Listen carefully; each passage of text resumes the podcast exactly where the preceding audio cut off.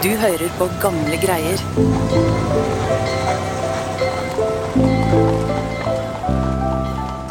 Vinteren 1889 blir folk på togstasjonen i Paris vitne til noe merkelig. 20 store, majestetiske og veldig eksotiske dyr hopper ut av en av vognene. Og etter dem kommer en liten gruppe mennesker kledd i uvanlige klær.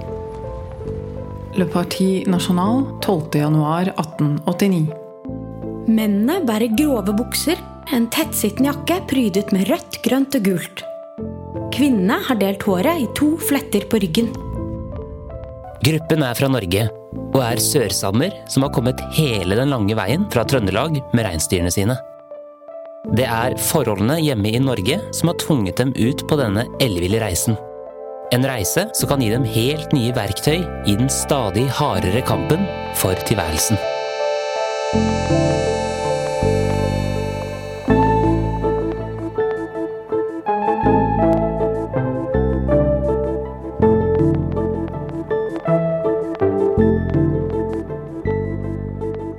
Du hører på Gamle greier, en historiepodkast fra Nasjonalbiblioteket. Jeg heter Lars Hammeren Risberg.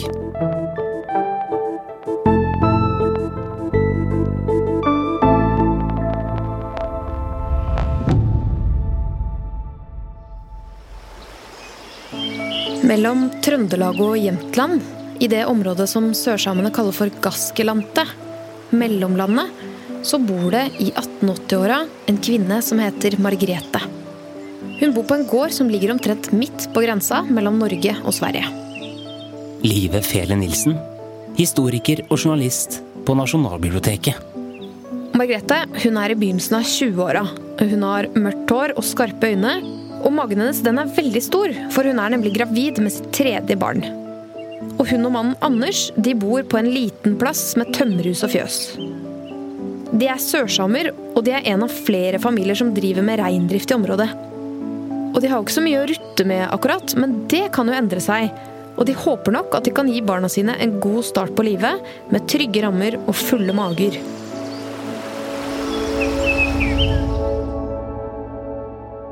Men det er lettere sagt enn gjort. For livet, det har begynt å bli ordentlig vanskelig de siste åra. Ja, for nå er jo ting i ferd med å skje her. Ja, for stadig større deler av dette ellers så fredelige området er nå i ferd med å bygges ut. Det popper opp nye gårder og bygninger overalt, og i det siste så har man kunnet se muskuløse arbeidskarer midt ute i naturen som banker og hamrer og bærer, og de er jo da i full gang med å bygge jernbane over grensa. Og med stadig mer kontakt da, mellom reindriftssamene og den voksne lokalbefolkningen, så kommer det en del problemer. Ja, og hva slags problemer er det egentlig snakk om her? Jo, altså, De siste tiåra har det oppstått stadig flere konflikter mellom reindriftssamer og lokale bønder i Trøndelag. For det er nemlig sånn at Bøndene de mener at samenes reinsdyr ødelegger avlingene deres. Og de er jo da forbanna fordi reinen beiter på feil sted og tråkker ned alt gresset som de skal høste. Og dette her forteller de jo da at de taper ganske mye penger på. Og denne konflikten her, den kunne folk lese om i avisen. Dagbladet mandag 7. mai 1883. Især i de siste 20 år er disse kollisjonene blevne så tallrike og alvorlige at forholdet mellom lappen og jordbrukeren er bleven det brennende spørsmål der nord. Men det økonomiske det er bare ett av argumentene her. For dette her er jo en tid hvor den vitenskapelige rasismen er veldig populær. Folk har veldig troa på denne ideen om at man kan dele inn folk i menneskeraser, og at noen av disse er mer høytstående enn andre. Og siden det er hvite, vestlige folk som lager disse rangeringene, så kommer de alltid på topp. Mens de som er veldig annerledes fra dem, de kommer jo da alltid nederst. Og et eller annet sted i bunnen av disse listene så havner alltid samene. Dagbladet mandag 7. mai 1883. At ville helt eller delvis innskrenke bebyggelsen til fordel for lappen, ville være å stanse sivilisasjonens utbredelse. Det er en nødvendighet at den mer fremskredne kultur fortrenger den mindre fremskredne. Men norske og svenske bønder må jo enn så lenge finne seg i å dele området med samene. Men mens Anders og Margrethe legger planer for fremtida, så får bøndene rett og slett en hjelpende hånd fra myndighetene. Ja, for nå gjør jo myndighetene noe ganske kjipt her. Ja, de vedtar rett og slett en lov som kalles for felleslappeloven. Og den skal gjelde for begge sider av grensa. Og den sier at det er jordbrukerne som har førsteretten på området. Det vil si at hvis en bonde opplever at reinflokker har ødelagt noe i hans område, så kan han kreve erstatning av den som eier den skyldige reinen. Og dette gjelder jo da ikke bare på gården, men også på setra og for gresset som vokser i området rundt setrene. Så Margrethe og familien må rett og slett gå på glasskår de, for å ikke tråkke sinte bønder på tærne. Ja, og på denne tiden så fins det ikke noen organisert bevegelse som kjemper for samenes rettigheter, så Margrethe og de andre må finne seg i ganske mye dritt. Amtsmannen i Søndre Trondheims amt 1887. Samene har gjeterplikt og erstatningsplikt. Det må de aldri glemme. Glemmer de det, blir jeg nødt til å treffe tiltak hvor konsekvensene for samene blir så ubehagelige at de neppe så snart vil glemme det som er betingelsene for at de uforstyrra kan ferdes her i landet. Dette her er jo ikke akkurat noen drømmesituasjon. Nei, det er det jo virkelig ikke. Så de må jo da se seg om etter noe som kan gi dem litt trygghet i hverdagen. Kanskje en liten buffer som det går an å leve på hvis de skulle være så uheldige å havne i en tvist med bøndene, f.eks. Og det er jo ganske vanskelig, for ikke å si umulig å få til. Men en dag så kommer Margrethe på sporet av en mulighet. Margrethe og familien de pleier å dra til Lappekapellet på Kolåsen på svensk side av grensa. Det er en liten, hvit trebygning på en høyde som har utsikt over fjellene rundt, og en langstrakt innsjø nedenfor åsen. Og der treffer de andre sørsamer i området. F.eks. Anders sin bror og hans familie, og den unge kateketen Daniel Mortensson, som gir undervisning til barna. Alle her kjenner hverandre godt, og derfor er det ekstra merkelig når det en dag begynner å dukke opp ukjente fjes.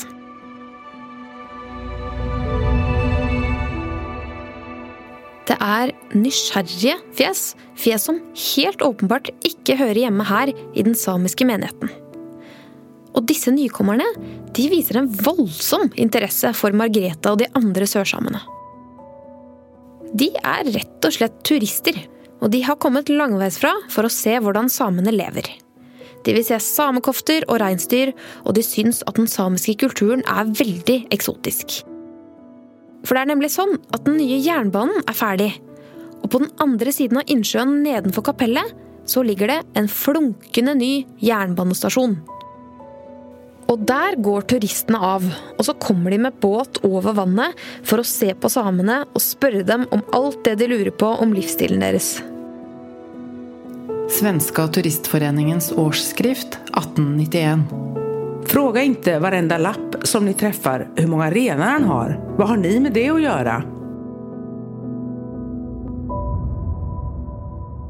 Og det disse nysgjerrige folka kan fortelle, det er at det er noe skikkelig stort på gang nede i Frankrike. For nå som verden er i ferd med å knytte sammen med jernbane og nye oppfinnelser, så er det stadig flere som blir nysgjerrig på de som lever litt annerledes fra dem selv. Som folk som lever i ørkenen f.eks., eller i det kalde nord. Og i Paris så er de i ferd med å stelle i stand en enorm utstilling. En utstilling som skal representere hele verden. Og det skal være den største og flotteste utstilling som noensinne er laget. Og i forkant av den så skal Bologneskogen i Paris bygges om til en utstilling med folkeslag fra hele verden. Og hvis man da er villig til å vise seg fram her, så kan man tjene ganske gode penger. Men Margrethe er jo gravid, og det å føde i et fremmed land, langt hjemmefra, det er jo ikke akkurat ideelt. Nei, det er det jo ikke. Men Margrethe hun er jo vant til en nomadisk livsstil, så det å føde på reise er ikke så stort hinder for henne. Og dette her er jo en unik mulighet. Både til å tjene penger, men også til å vise fram kulturen sin til noen som faktisk er interessert i den. Så hun bestemmer seg for at dette her, det vil hun være med på.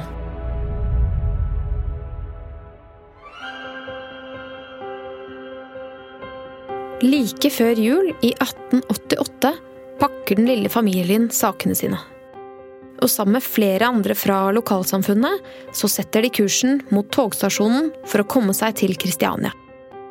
Og derfra så går hele følget, med reinsdyr og oppakning og alt, om bord på et dampskip som tar dem med hele veien til Le Havre i Frankrike. Der går de av skipet og begynner på siste etappe mot Paris.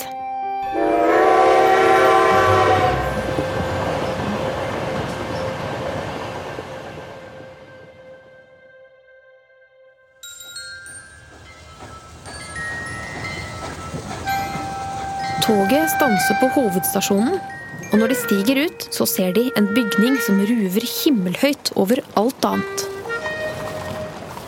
Det er det nye Eiffeltårnet, og byggearbeiderne driver fortsatt og hamrer og snekrer for harde livet for å få det ferdig til verdensutstillingen skal åpne.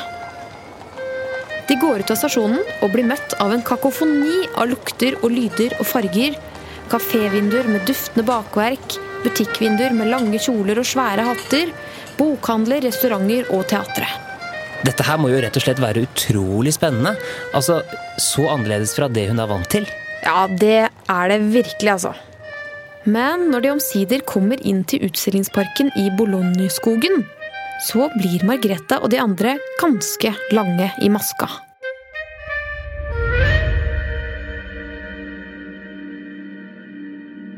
Det flate stykket med jord som ligger foran dem, er omringet av to meter høye gjerder. Og de skjønner at de rett og slett skal bures inne. Litt som dyr i en dyrepark. Og som om ikke det var nok, så får de heller ikke lov til å gå utenfor gjerdet. Dette høres jo helt forferdelig ut. Ja, Det er jo ikke akkurat det de har sett for seg. Og dette her, det er jo uakseptabelt. Så de protesterer skikkelig og sier at dette er ikke greit. Men så er det jo sånn da, at de har jo allerede reist dit, og de har ikke så mye å slå i bord med. Så de må faktisk bare akseptere vilkårene og gjøre det beste ut av situasjonen, og tenke på at for hver dag de sitter utenfor gammen, så er det klingende mynt i kassa. En dag så kjenner Margrethe at riene kommer og vannet går. Og hun skjønner at nå skjer det, nå skal hun føde. Og det vet hun jo at kan være farlig, for hun har opplevd fødselskomplikasjoner før. Så hun stålsetter seg for prøvelsen som hun har foran seg.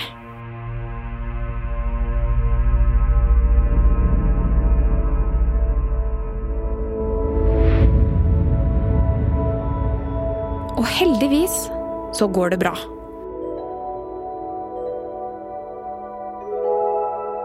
Margrethe er en tøffing, og hun har gode folk rundt seg som er vant til vanskelige fødsler, og de hjelper til å sørge for at lille Paris igjen kommer til verden.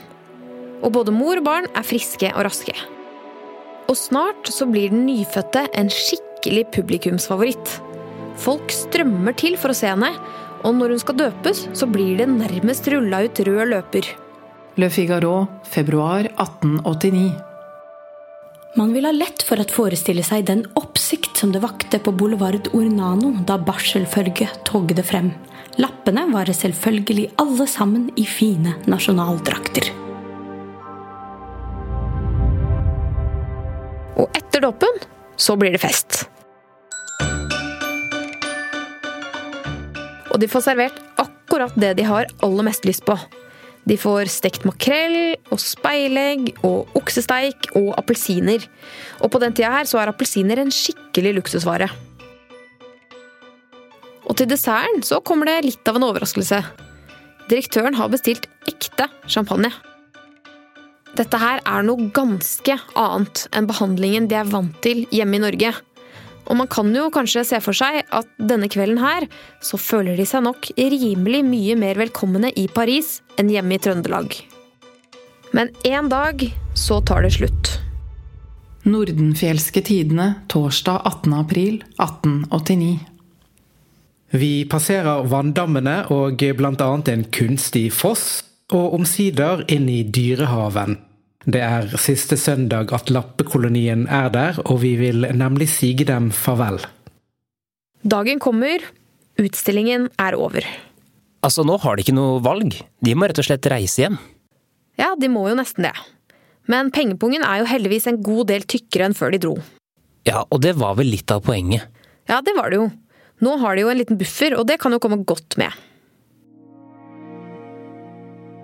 Men hjemme i Trøndelag så har ikke livet akkurat blitt noe lettere. Tvert imot. For disse erstatningssakene mot samene, de blir det ikke akkurat færre av. Flere sørsamer er nå i dyp gjeld. Og ikke nok med det. Nå driver noe som de kaller for Lappekommisjonen, selv om det ikke er en eneste same med i den kommisjonen, og foreslå hvordan det skal bli enda lettere å håndheve de strenge lovene ved å dele inn i nye reinbeitedistrikt. Og hvis du da vil bytte reinbeitedistrikt, så kan du få en skikkelig saftig bot hvis ikke du sier fra når det her trer i kraft. Så det er jo ikke akkurat noe å rope hurra for. Nei. Men her hjelper nok pengene en hel del, da. De merker nok at de har det litt bedre enn de som ikke dro. Og så har de nok fått litt høyere sosial status i miljøet nå, siden de har vært på en sånn reise. Men så er det jo sånn, da, at disse pengene, de varer ikke evig. Og i hvert fall ikke når Margrethe og Anders får flere barn. For lille Olof blir født på første nyttårsdag 1891, og etter det kommer lille Anna-Lisa. Så nå har de altså fem barn og en ikke ubetydelig reinflokk som de må passe på at ikke spiser bøndene sitt gress eller tråkker på feil sted. Men Margrethe, hun virker jo som en ganske ressurssterk person. Ja, Margrethe hun har nok ikke tenkt å finne seg i situasjonen sånn som den er. Så når ryktet begynner å gå om en ny utstilling, så øyner hun en mulighet.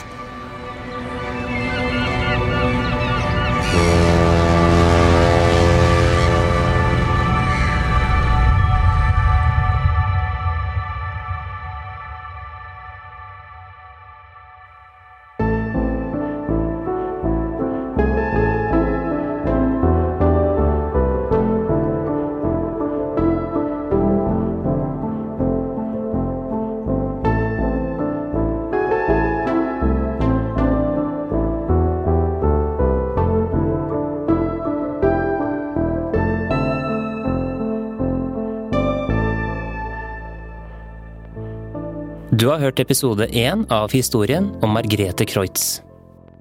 Episoden er laget av Live Fele Nilsen, Dang Trind, Ragna Nordenborg og meg, Lars Hammeren Risberg. Konsulenter for episoden var Berit Hedemann og Andreas Berge. Kilder til episoden var Margrethe Kreutz historie 1863 til 1922, ei utstilling produsert av Tromsø museum. Av Katrine Baglo.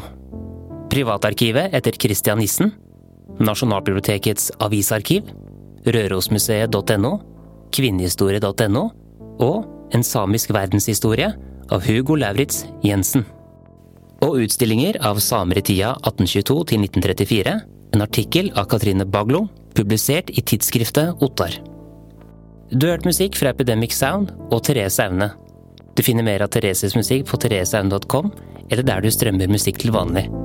Mitt navn er Lars Hamren Risberg. På gjenhør.